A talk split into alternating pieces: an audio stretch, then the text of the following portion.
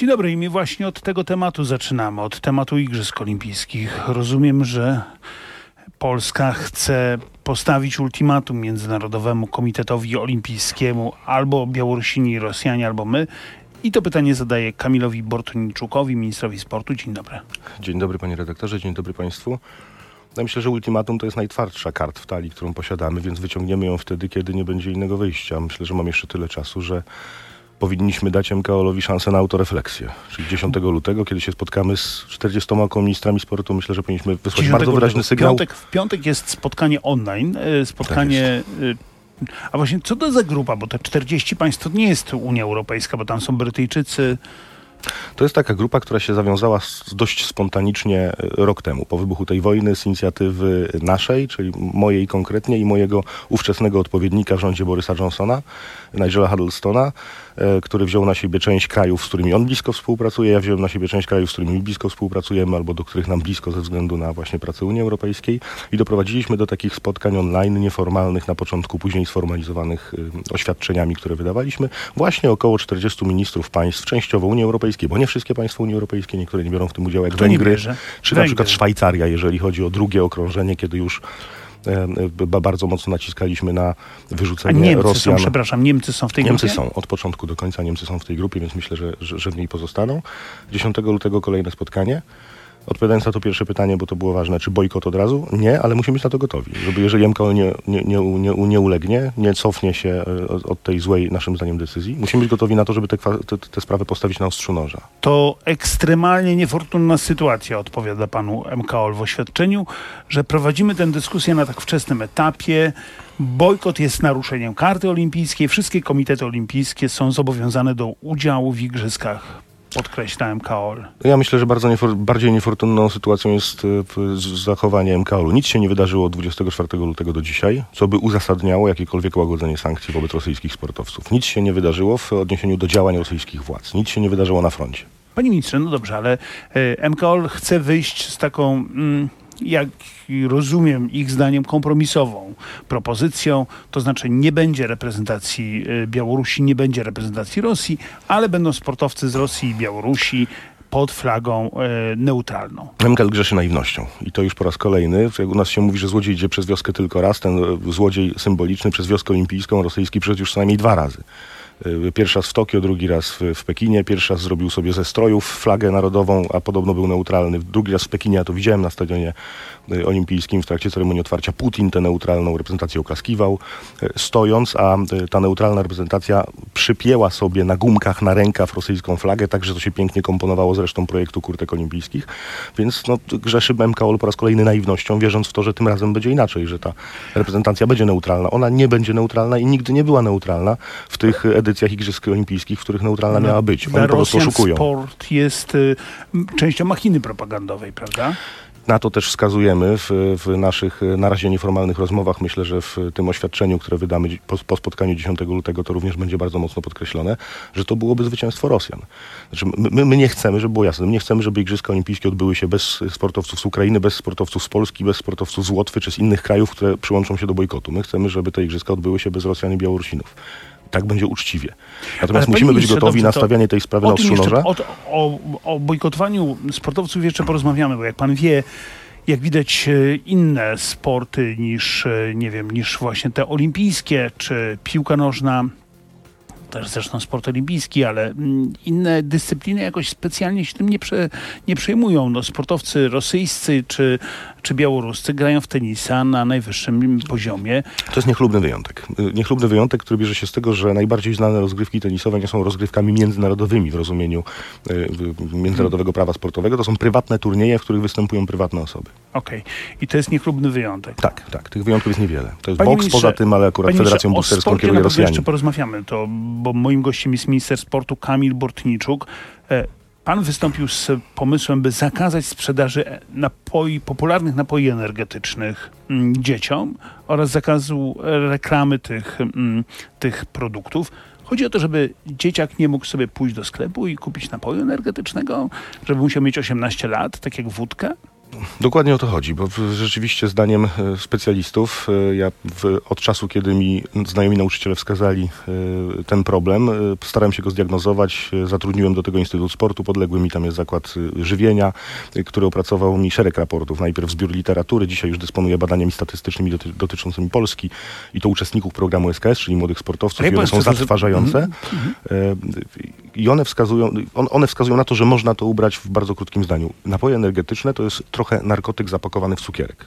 Dlatego tym bardziej powinniśmy się tego wystrzegać i tym bardziej powinniśmy zakazać kupna tych napojów To akurat dzieciom. Jedno muszę podkreślić uczciwie, lekarze was raczej wspierają. Doktor Aneta Górska-Kot, pediatra, mówi, że dzieci i napoje energetyczne to nie jest dobre zestawienie. Energetyki są dla nich jak używki i organizmy nastolatków, które się dopiero rozwijają. I dostarczenie im takiej ilości kofei, kofeiny nie robi im dobrze. Dokładnie tak, w litrowym y, opakowaniu, a to jest bardzo popularny, y, po, popularna pojemność takiego opakowania, chociażby w dyskontach dostępne dosłownie za parę złotych, często w cenie wody mineralnej, jest tyle kofeiny, co w sześciu lub w ośmiu filiżankach kawy, w zależności oczywiście od pojemności filiżanki. No I dziecko dostarcza sobie 6-8 filiżanek kawy, czasami w przeciągu jednej przerwy Pan lekcyjnej. mówi tak, nie ma, nie ma wątpliwości, że nadużywanie kofeiny przez dzieci jest szkodliwe. To w takim razie czy wprowadzicie limit wieku również w kawiarniach? E, Nie, limitu wieku w kawiarniach nie ma. Ustawa to przewiduje. e, Wyłącza spod jej reżimów napoje, w których e, te składniki, czyli kofeina konkretnie, występują naturalnie. Czyli trudno wyobrazić sobie dziecko, które wypija litr kawy, bo litr napoju, litr kawy to jest mniej więcej e, ekwiwalentne, jeżeli chodzi o zawartość kofeiny właśnie, a więc i o szkodliwość, o pobudzenie, o, o, długookresowe uzależnienie i tak dalej. No, kawa naturalnie tak została przez naturę, przez Boga dla wierzących stworzona, że jest gorzka i że dzieciom co do zasady nie smakuje. Ja nie widziałem dzieciaka, który wypija litr kawy. podleją mlekiem i pójdą i w Starbucksie kupią to ślicznie opakowane z cukrem. No jak podleją, jak podleją mlekiem i tego mleka jest dużo, to się już z litra kawy robi 0,3 litra kawy już ta dawka kofeiny nie jest taka straszna i kawa nie jest Dobrze, tak panie- popularna panie wśród ministrze, młodzieży jak osiem- bardzo słodkie, ładnie Panie jest pan opakowane, jest pan pe- rozreklamowane jako dodające skrzydeł napoje energetyczne. No dobrze, one może dodają skrzydeł w reklamie. Pan mówi limit wieku 18 lat. Przepraszam za porównanie, ale seks jest legalny od 15 roku życia, a napój energetyczny będzie od 18? Tak to jest przyjęte w naszej kulturze prawnej, że kwestie, które są zakazane i które łatwo trzeba zweryfikować, y, czyli przy kasie wielokrotnie, prawda, ekspedient powinien mieć możliwość zweryfikowania wieku klienta, no to jest lat 18, bo wtedy można pozyskać dowód osobisty, którego posiadanie jest powszechne. Wcześniej z weryfikacją wieku byłby problem, bo nie wszyscy Czyli- posiadają nie, dokumenty, które na to pozwalają. Krótko, kiedy będzie projekt ustawy w tej sprawie? Projekt ustawy dzisiaj będzie złożony w Sejmie, dosłownie dzisiaj. Dzisiaj. Czyli dzisiaj projekt ustawy trafia do Sejmu. e, Projekt ustawy zakazującej sprzedaży napojów energetycznych dzieciom. Tak jest, do lat 18 i ograniczające reklamę, która jest do dzieci skierowana. Do dzieci skierowana, ale reklama dla dorosłych. e, To, to jest, tam mamy zapisy, które są z kompilacją zapisów dotyczących reklamy alkoholu i reklamy wyrobów tytoniowych, czyli pewne rozwiązania już w tym zakresie mamy, czyli w pewnych godzinach w telewizji reklama tych napojów będzie dozwolona, na, w pewnych nośnikach y, też, ale co do zasady nie będzie mogła być kojarzona z jakimś sukcesem życiowym, z jakimiś y, nad, nadzwyczajnymi walorami, które y, dają te napoje i będzie musiała być y, bardzo mocno obwarowana informacjami na temat zagrożenia dla zdrowia.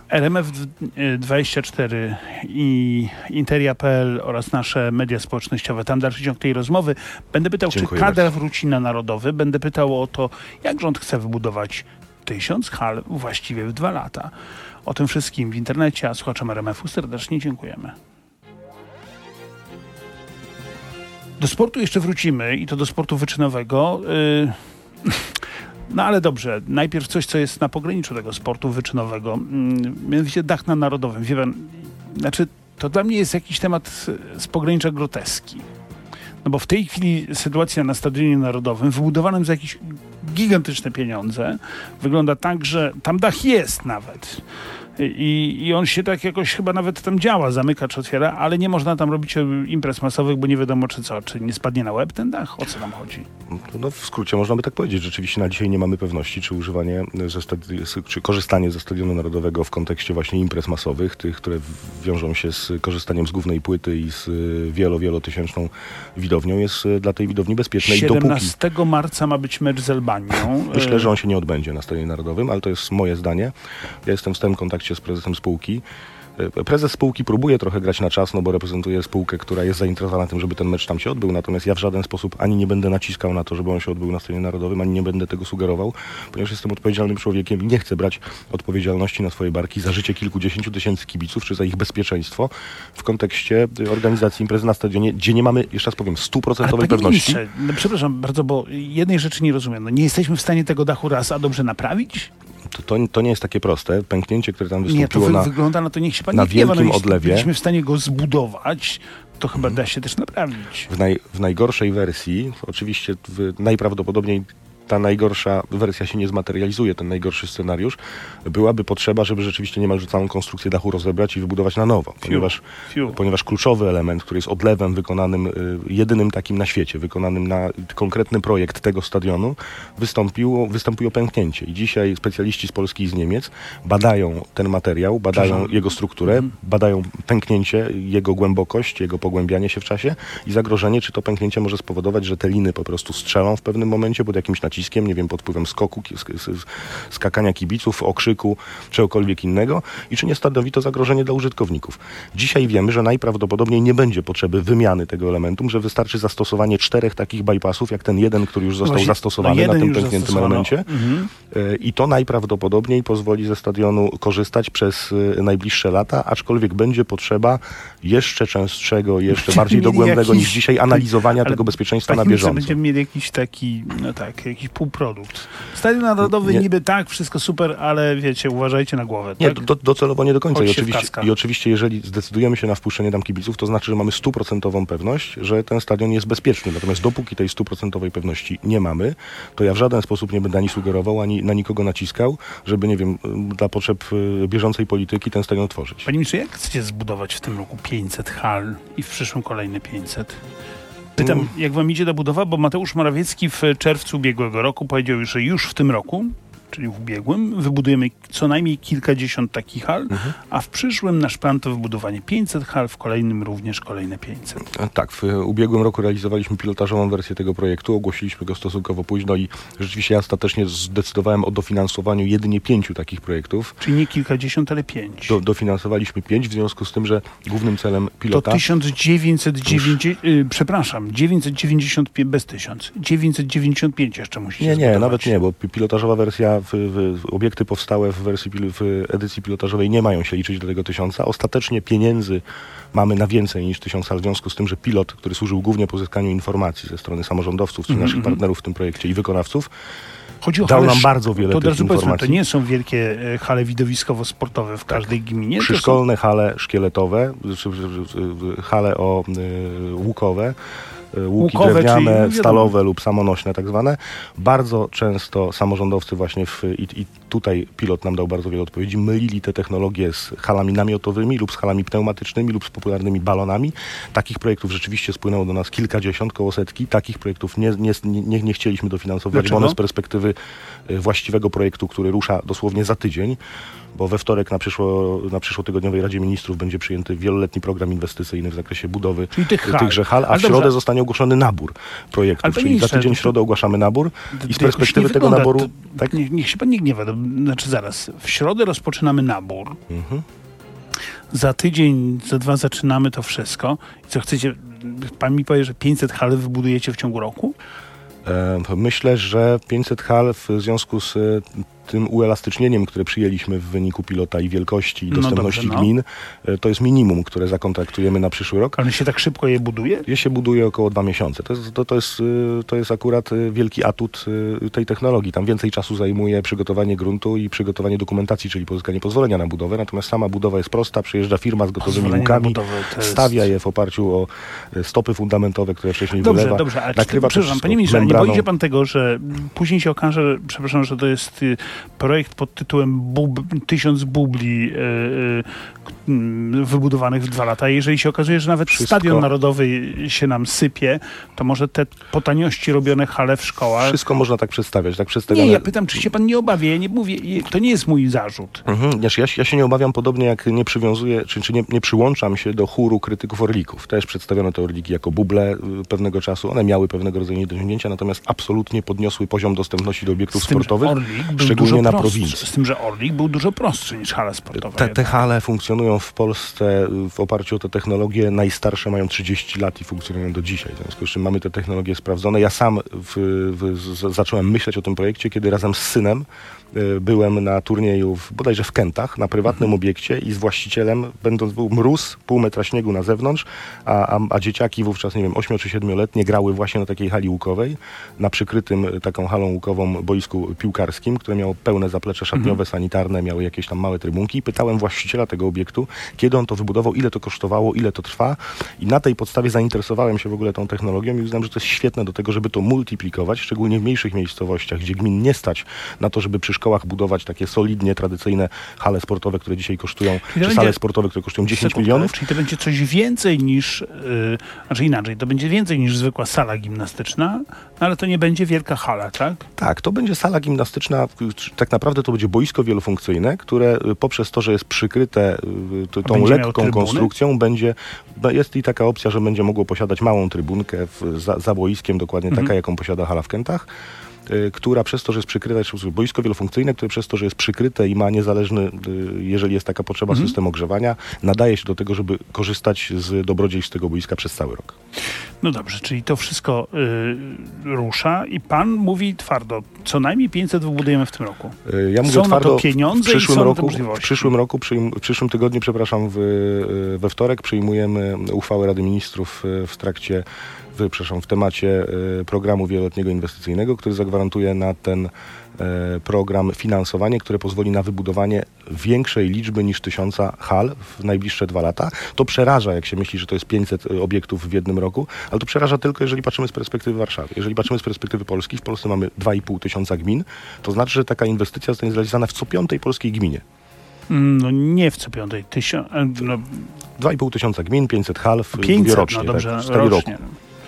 Tak w ogóle to, to nie, Y, bo tak w ogóle to tysiąc. Myślę, że ponad tysiąc, ponieważ pilot pozwolił nam bardzo mocno uelastycznić założenia, również chodzi o Pod, wymiary. warun- pod warunkiem, że się utrzymacie u władzy. No właśnie przez to, że to jest program wieloletni i będzie przyjęty uchwałą Rady Ministrów, to nasi, po, po, nasi y, Następcy? Znaczy, następcy, jeżeli tacy będą, a ja wierzę, że my w y, kolejnej Jasne. kadencji, y, niezależnie od tego, kto to będzie, program będzie Panie kontynuowany. ministrze, wróćmy do sportu wyczynowego, a nie do sportu y, bardzo ważnego zresztą. To znaczy, ja akurat tutaj chyba to jest ponad pol, m, podziałami politycznymi. Wszyscy chcą, żeby te hale sportowe były, no bo to jest To oczywistość. prawda, posłowie opozycji również popierają ten projekt. Ministrze, tak a propos, pan wie, jak wygląda w tej chwili realnie y, w Warszawie, w wielkich miastach. Ja nie wiem, jak to wygląda w małym mieście. Dostępność do obiektów sportowych Fatalnie. W Warszawie wygląda fatalnie. Dramatycznie. Myślę, że najgorzej w Polsce wygląda w Warszawie. Wiem, jakie są ceny wynajmu boisk, wiem, jak to się przekłada na ceny y, treningów młodych adeptów piłki No nożnej właśnie, bo to chociażby. wygląda tak, że to zostało sprywatyzowane Program, całkowicie. który, p- p- przepraszam, dyscyplina piłkarska, która kiedyś kojarzyła się z absolutnie powszechną dostępnością i z tym, że jest najtańsza, w Warszawie jest droższa od golfa. Czyli taniej jest y, wykupić y, y, karnet na Sobienie Królewskie, w, żeby i, i ćwiczyć grę w golfa, niż trenować piłkę nożną w Warszawie.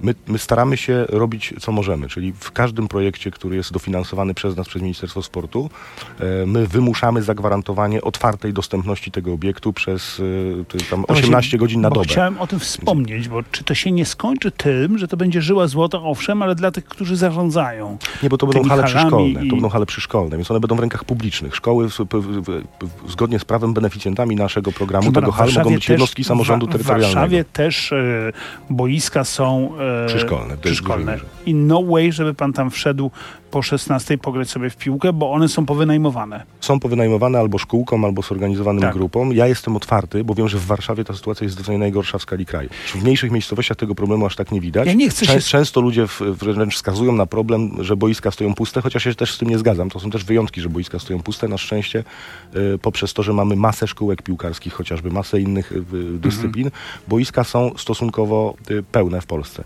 Ja jestem gotów rozmawiać z władzami Warszawy o tym, jak tę sytuację zmienić. Jak wybudować w Warszawie i ja chętnie dofinansuję jako minister sportu y, taki projekt, coś ala Pola Mokotowskie 2, gdzie będzie wielka przestrzeń pokryta boiskami piłkarskimi na kształt y, angielskich parków, gdzie będą mogli w sobie ludzie wyznaczać boiska o różnej wielkości w zależności od tego, czy jakaś ta niedzielna liga Niech jest pan, rozgrywana. Niech pan pomyśli dniu. o jednym boisku dla rugby, oczywiście, y, ale to za... Rugby się świetnie rozwija w Polsce, to, to akurat prawda. Wspieram ten sport jak mogę. To jest genialny sport do oglądania. Ja, ja lubię szczególnie jakby siedmioosobowe olimpijskie, bardzo szybka odmiana. Mm, przepraszam, nie, do, dobrze, ale to o, o naszych prywatnych preferencjach porozmawiamy kiedy indziej. Fernando Santos to dobry wybór. Mówimy o serii. Nie wszyscy wiedzą, to pan pozwoli tytułem wyjaśnienia. Mamy, proszę państwa, trenera reprezentacji piłkarskiej. Fernando Santos to gentleman, który trenował Grecję, trenował Portugalię. Z Portugalią został mistrzem Europy, trenował największe kluby w Grecji i w Portugalii. Po raz pierwszy mamy trenera, o którym nikt nie powie, e, dziadek z przeceny, bo pan co prawda jest wiekowy, ale zdecydowanie chyba nie z przeceny właśnie zakończył pracę w Portugalii. Od 12 lat nieprzerwanie y, jako selekcjoner pracuje. No, powiedział pan redaktor wszystko w tym pytaniu, co, co, co ja mogę powiedzieć. To jest człowiek, po raz pierwszy myślę, że mamy trenera. Znaczy może po raz pierwszy poza y, Leo Benhakerem, który był też y, takim mocnym Mhm. strzałem wizerunkowym, czyli facet nie wiem, z Realu Madryt przychodzi trenować y, polską reprezentację. Teraz mamy człowieka, który od 12 lat pracuje z kadrami i osiąga z nimi sukcesy, bo i z Grecją wychodził z grupy na najważniejszych turniejach i na Mistrzostwach Europy w Polsce, rozgrywanych naszym kosztem. Mhm. Nie wszyscy o tym pamiętają. I na Mistrzostwach Z Portu- Świata. Z Portugalią Mistrzostwo Europy, zwycięstwo w Lidze Narodów. Tu pamię- przypomnijmy, z Portugalią Mistrzostwo Europy w 2016, kiedy nas pokonali po, tym, po tych nieszczęsnych, ćwierćfinale, kar- tak, po po tych nieszczęsnych karnych. E, w, to tro, trochę blisko naszej myśli szkoleniowej, bo wtedy pamiętam, że Portugalia większość meczów zremisowała, chyba jeden wygrała w całym turnieju i zdobyła Mistrzostwo Europy.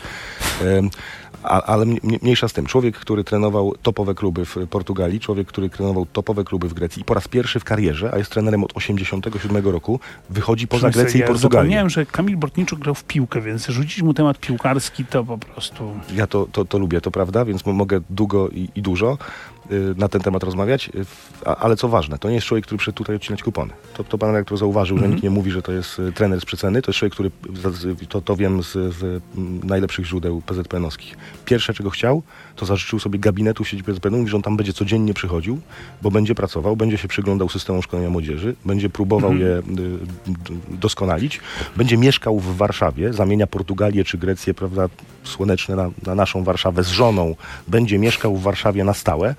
Więc widać, że to jest charakterologicznie człowiek, który jak coś robi, to angażuje, wchodzi w to całym sobą, angażuje się w to w pełni i tak też będzie wierzy No, miejmy, nadzieję, Polski. miejmy nadzieję, że osiągniemy z nim no, porównywalne sukcesy.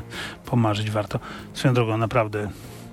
Ja nie wiem, jak to się dzieje, że Słoweńcy mają 2 miliony i w każdej. A to ja powiem co, coś- robimy, nie. w, kopiujemy ten program od Słoweńców. To coś, Program szkolny. Tak, program szkolny Sportowe Talenty. Na Nie. Słoweniu się nazywa Slowfit, a u nas się nazywa Sportowe Talenty, To w ramach którego... o tym następnym razem. Bardzo Bo chętnie. teraz musimy już zakończyć. Aczkolwiek mamy pierwsze sukcesy. Mamy już w odniesieniu, na, bo pilota prowadzimy w dwóch województwach, już mamy w- od 10 do 7 tysięcy uczniów wprowadzony wynik przynajmniej jednego testu. Jak fakultatywny. sumo będzie dyscypliną olimpijską, to proszę pamiętać o mnie. Na razie bardzo serdecznie dziękuję, kłaniam się. Bardzo dziękuję, miłego dnia.